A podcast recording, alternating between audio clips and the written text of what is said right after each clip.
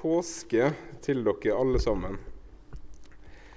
Um, og skal starte med å lese dagens tekst. Jeg har akkurat sånn som på fredag tatt meg friheten til å lese noen vers ekstra.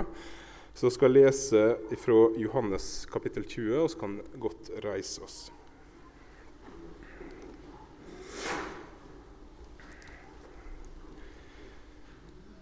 Tidlig om morgenen første dagen i veka, mens det enda er mørkt, kommer Maria Magdalena til grava. Da får hun se at steinen er tatt bort fra grava. Hun springer av sted og kommer til Simon Peter og den andre læresveinen, han som Jesus hadde kjær, og sier til dem, De har tatt Herren ut av grava, og oss veit ikke hvor de har lagt han. Da tok Peter og den andre læresveinen ut og kom til grava. De sprang sammen, men den andre læresveien sprang fortere enn Peter og kom først til grava. Han bøgde seg inn og så linklærne som lå der, men han gikk ikke inn i grava.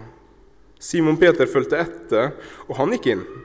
Han så linklærne som lå der, og duken som Jesus hadde hatt over hodet. Den lå ikke sammen med linklærne, men sammenrulla på en stad for seg. Da gikk den andre læresveien også inn, han som var kommet først fram til grava. Han så og trodde.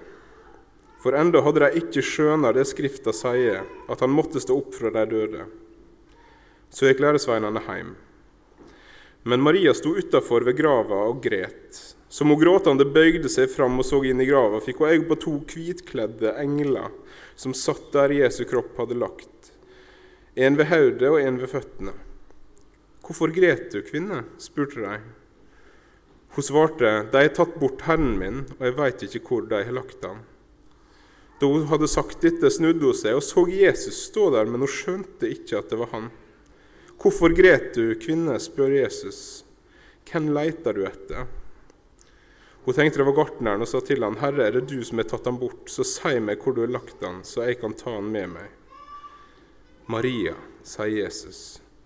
Da snur hun seg til han og sier på hebraisk, Rabuni. Det betyr mester. Vær så god og sitt.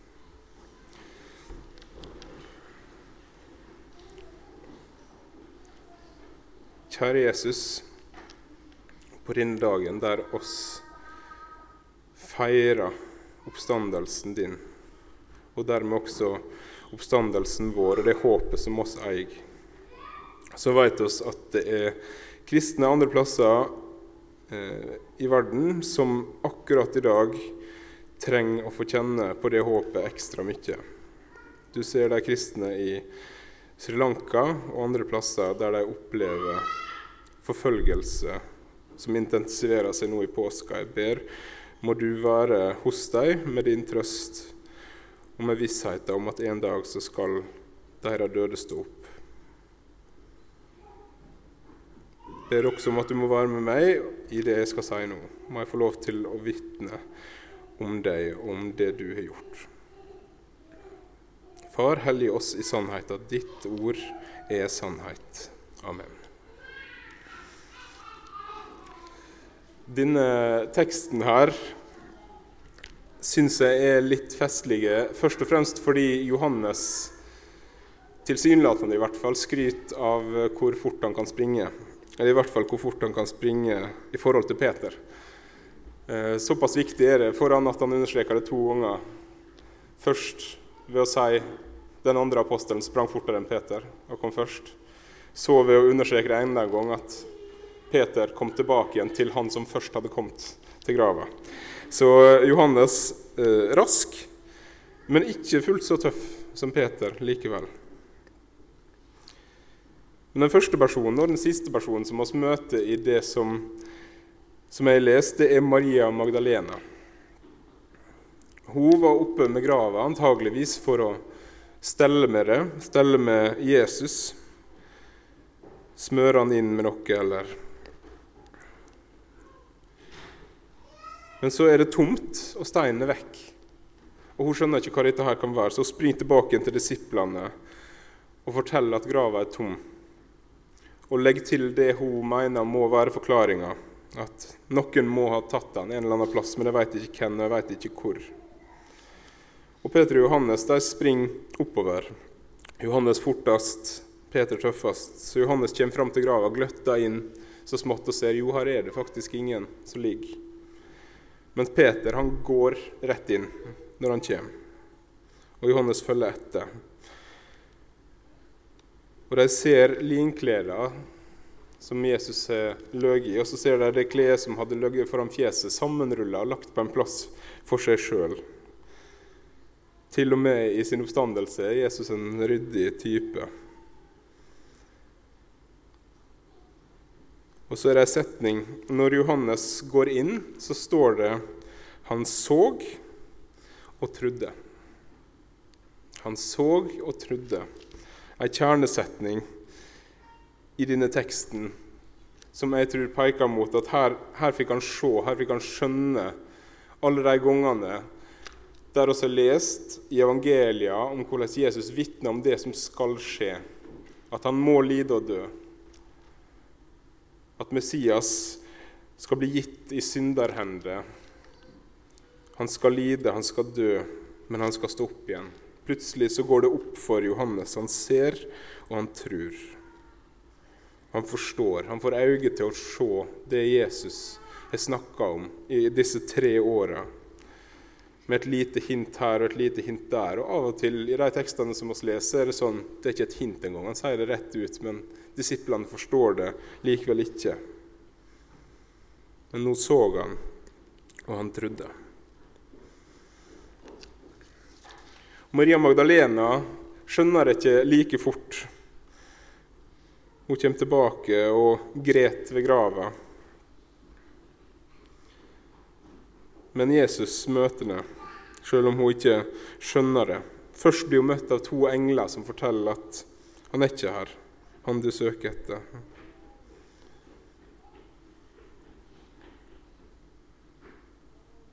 Og Så ser hun Jesus, og Jesus spør om akkurat det samme som englene spurte om. Hvorfor gret du, kvinne? Hvem leter du etter? Hun tenkte det måtte være gartneren, fordi han var jo levende, og Jesus var jo død.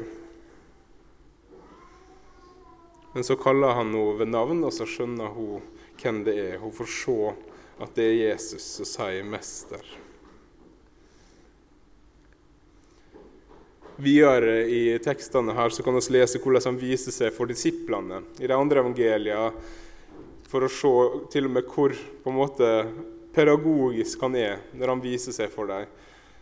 Ehm, Becky Pippert talte på UL for et par år siden. Og Hun trakk fram en detalj i en av oppstandelsestekstene som jeg ikke har tenkt så masse på sjøl. Men det at Jesus spurte kan jeg få noe mat, og åt noe fisk, at det var noe som disiplene kunne tro på. Han, han er ikke et spøkelse. Han, ikke, han, han, var her virkelig. Det var ikke en drøm eller et syn. Se, her er fiskebeina. Han var her. Han lever. Men den tomme grava, det er et håpets tegn, et gledens tegn. Ingen av oss er vant til å tenke på Jesu grav som en plass der du griner. Men på Jesu grav som en plass som viser seieren som ble vunnet på korset. Som viser at døden kan faktisk ikke holde på oss heller. Og skal lese igjen en del av de versene som ble lest. Og det her er pensum for i dag, folkens. Første Korinterbrev, kapittel 15. Det bør dere alle lese i løpet av dagen. Jeg starta fra vers 1 til og med vers 8. Jeg kunngjør dere søsken det evangeliet som jeg forkynte dere, som dere også tok imot, og som dere står støe i. Ved det blir dere frelst, så sant dere holder fast på ordet slik jeg forkynte det for dere. Ellers blir det til ingen nytte at dere kom til trua. For først og fremst overga jeg til dere det som jeg sjøl hadde mottatt. At Kristus døde for syndene våre, som Skriften er sagt. At han ble gravlagt, at han sto opp av tredje dagen, som Skriften er sagt.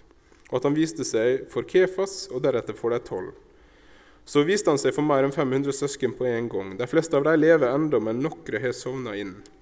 Siden viste han seg for Jakob, så for alle apostlene.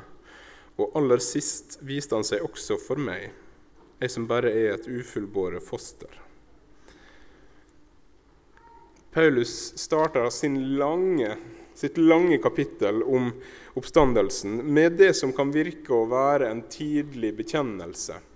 Altså en tidlig sånn der setning som de sa høyt sammen, sånn som oss gjorde med trosbekjennelsen her. Når han sier for først og fremst overga jeg til dere det som jeg sjøl hadde mottatt, at Kristus døde for syndene våre, som Skriftene har sagt, at han ble gravlagt, at han sto opp av tredje dagen, som Skriftene har sagt, og at han viste seg for Kefas og deretter for de tolv. Det er formulert på en sånn måte at jeg ikke kan tenke meg noe annet enn at det her har han sagt, eller har blitt sagt med det akkurat de samme ordene før også. Og det forteller oss noe om oppstandelsen som noe som er helt, helt, helt i hjertet av det oss tror på. Helt i hjertet av ei kristen tru er trua på at Jesus sto opp ikke trua på oppstandelsen som ei fin historie eller som ja, det, ja, det er jo spennende greier. Liksom, nei, som et historisk faktum. Som et faktum som gir håp. Som, som et faktum som gjør at trua gir mening. At det å tro på Jesus faktisk gir mening. At Jesus var mer enn bare en fin fyr eller en god lærer. Han var mer enn en du ville sitte i en sirkel rundt et bål sammen med og høre på historiene til. Han er en mann det er verdt å tro på. En mann som kan gi deg et håp for ditt liv og for evigheten. En mann som det er verdt å følge sjøl inn i døden. Uten oppstandelsen så gir det ikke så fryktelig mye mening lenger. Og Det kommer også Paulus tilbake til seinere. Noen av disse versene ble lest tidligere. Men når det blir forkynt at Kristus er stått opp fra de døde, hvordan kan da somme av dere si at det ikke fins noe oppstår fra de døde? For er det ingen oppstår fra de døde, så er heller ikke Kristus stått opp. Men har ikke Kristus stått opp, er budskapet vårt tomt, og tom er også trua deres. Da står det som falske vitner om Gud, for vi vitner imot Gud når vi sier at han har reist Kristus opp, noe han da ikke har gjort hvis døde ikke står opp. Forstår ikke døde opp, så er heller ikke Kristus stått opp. Men har ikke Kristus stått opp, da er trua dere meningsløs, og dere er enda i syndene deres. Da er også de fortapt som er sovna inn i Kristus. Har oss bare for dette livet satt vårt håp til Kristus, det er oss ynkeligere enn alle mennesker. Men nå er Kristus oppstanden fra de døde. Han er førstegrøda av de som er sovna inn. Fordi døden er kommet ved ett menneske, så er også oppstandelsen fra de døde kommet ved ett menneske. For liksom alle dør av Adam, skal alle få liv ved Kristus. Han sparer ikke på kruttet, Paulus, når han skal understreke hvor viktig det er at oss tror på dette som oss feirer her i dag hvor sentralt det faktisk er for det å holde på med. Uten oppstandelsen ingen NLM. Uten oppstandelsen ingen vits i å tro på Jesus. Uten oppstandelsen så sier Paulus at oss er ynkeligere enn alle mennesker. Det er ganske kraftige ord. Da lever oss ei løgn. Da kastes vekk livet våre og tida vår på en mann og en frelser som ikke kan frelse, og som ikke var verdt å følge. Men nå er Kristus oppstanden fra de døde. Men nå er Kristus oppstanden fra de døde. Heller ikke når det kommer til dette, sparer Paulus på kruttet. I de første versene som vi la, så snakker han om at over 500 personer har sett Jesus. Og så er det akkurat som han sier til de i korintermenigheten at bare gå, bare gå og finn noen av dem hvis dere tviler. Hvis dere tror at det her er bare tull, gå og finn noen av dem. De fleste av dem har levd. Noen er sovna inn, ja, men flere hundre av dem er fortsatt i live. Finn dem, snakk med dem. Hør at det er sant. Hvis dere ikke kan ta mitt ord for det, selv om jeg også har fått se han, sier Paulus. Gå og snakk med dem. Hør at de sier det. Jesus har stått opp. Jesus har stått opp. Han er førstegrøda, sier Paulus. Det betyr at det er noe som skal komme etter. Og se dere rundt. folkens, for det her er det som skal komme etter. Ikke bare oss, heldigvis, Gud sier, men alle de som tror på Jesus, alle de som setter sitt håp til Han, skal komme etter Han som er førstegrøda og de som er stått opp. I jula så forretta jeg begravelsen til min bestemor. En av de som har fått peke på Jesus for meg, en av de som har vist meg veien til Jesus. Til det kjedsommelige har sagt at du må, du må, du må sette din lit til Jesus. Du må tro på Jesus, du må huske på at Jesus er glad til deg. Du må huske på Jesus. Ja, ja, ja, besta. Ja da. Ja da, besta. Hun er sånn ei. Og bestefar var også en sånn en. Og han døde for åtte-ni år siden. Og nå var det besta sin tur. Og hun lengta. Hun lengta før bestefar for, men det intensiverte seg etter bestefar for også. Men hvis Jesus ikke er stått opp, så er det ikke noe å lengte til. Hvis Jesus ikke er stått opp, så er dette her alt. Hvis Jesus ikke er stått opp, så har ikke oss et håp om en heim der framme, eller om legemets oppstandelse, som vi bekjenner oss til. Vi det ikke et håp om at de kroppene som oss kan kjenne på forskjellige måter og møte på forskjellige måter forgjengeligheten til her og nå, vi får aldri oppleve at de blir ikledd uforgjengelighet. Hvis Jesus ikke er stått opp, så er dette alt, og lengsel er meningsløst. Men jeg tror ikke Besta sin lengsel var meningsløs, for Jesus har stått opp. Jesus sto opp fra de døde, og Besta skal stå opp fra de døde og jeg skal stå opp fra de døde en dag. Liksom alle dør pga. Adam, skal alle få liv ved Jesus Kristus, sier Paulus. De siste versene jeg skal lese fra korinterne Nå skal jeg både i første og andre Først Korinterbrev 15, 52-57 først, og så andre Korinterbrev 4, 16-5-9 etterpå.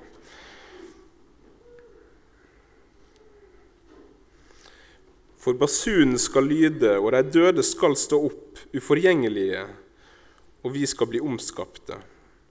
For dette forgjengelige må bli kledd i uforgjengelighet, og dette dødelige kledd i udødelighet.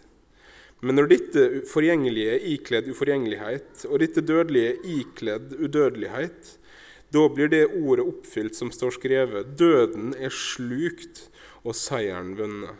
Død, hvor er din brodd? Død, hvor er din seier? Brodden i døden er synda, og krafta i synda er lova. Men Gud være takk, som gir oss seier ved vår Herre Jesus Kristus. Derfor mistes ikke motet. Om vårt ytre menneske går til grunne, så blir det indre fornya dag for dag. De trengslene som oss nå må bære, er lette, og de skaper for oss en evig herlighet som veier uendelig mye mer. Og se ikke det synlige for øyet, men det usynlige. For det synlige er forgjengelig, det usynlige evig. For oss veit at om det blir neddrevet, dette teltet som er vårt jordiske hus, så har oss i himmelen en bygning som er fra Gud, et evig hus som ikke er gjort med hender. Mens oss er her, sukker og lengter vi etter å bli overkledde med vår himmelske bolig. For når oss slik er kledd, skal oss ikke bli stående nakne. Så lenge oss er i vårt jordiske telt, sukker oss under børa. For oss ønsker ikke å bli avkledde, men påkledde, så det dødelige kan bli oppslukt av livet. Den som har gjort oss i stand til dette, er Gud som har gitt oss Ånden til pant. Derfor er oss alltid ved godt mot, enda oss veit at så lenge oss er hjemme i kroppen, er oss borte fra Herren. For oss vandrer i tru uten å se. Men oss er ved godt mot og vil heller flytte bort fra kroppen og hjem til Herren. Derfor, enten oss er hjemme eller har flyttet bort, sett oss vår ære i å være til glede for Han. Paulus bruker igjen og igjen dette bildet av noe dødelig, noe forgjengelig, som skal bli overkledd og omskapt. Det dødelige, det dødelige skal bli oppslukt av livet. Døden er oppslukt, seieren er vunnet. Og skal ikke bli stående nakne, men skal få et nytt hus, en ny kropp, en ny heim. Og dette er forvandlende. Og snakka på fredag, for dere som var her da, så snakka vi om Peter. Peter som, som er den av disiplene som våger seg nærmest når Jesus står framfor det høye rådet blir dømt til døden for blasfemi, men som svikter så det synger etter når han blir anklaga for å være en Jesu etterfølger. Er ikke du en av de som følte etter? Nei, nei, nei. Aldri møtt, aldri sett, aldri, kjenner ikke han.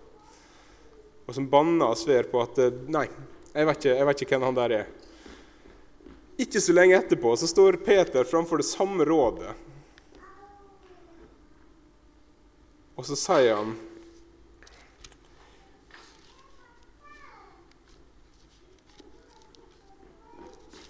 så sier han dette her.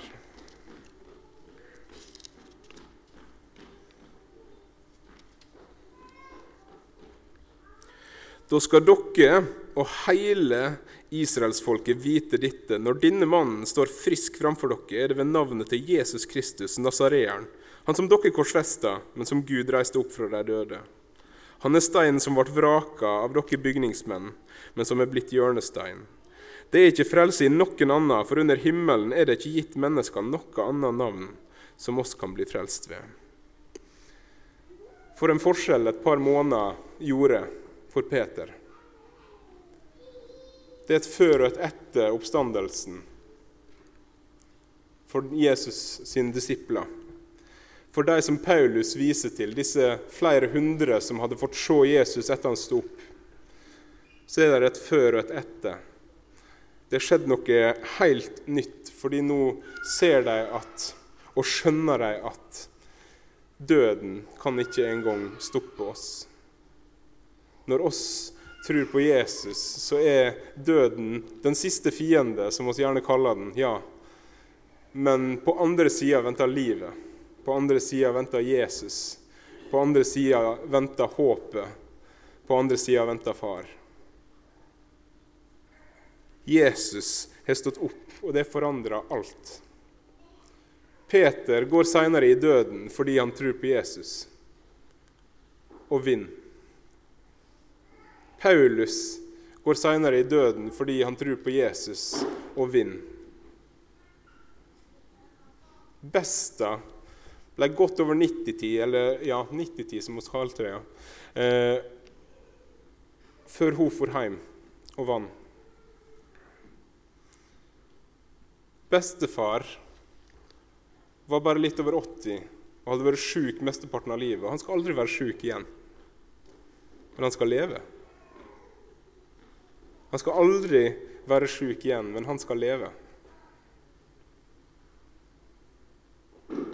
De som tror på Jesus og mister livet sitt på Sri Lanka i dag, de vant. Fordi Jesus sto opp fra de døde. Jesus Kristus er oppstanden. Jeg vil lyst til å prøve det som Grete gjorde. Jesus Kristus er oppstanden. Amen.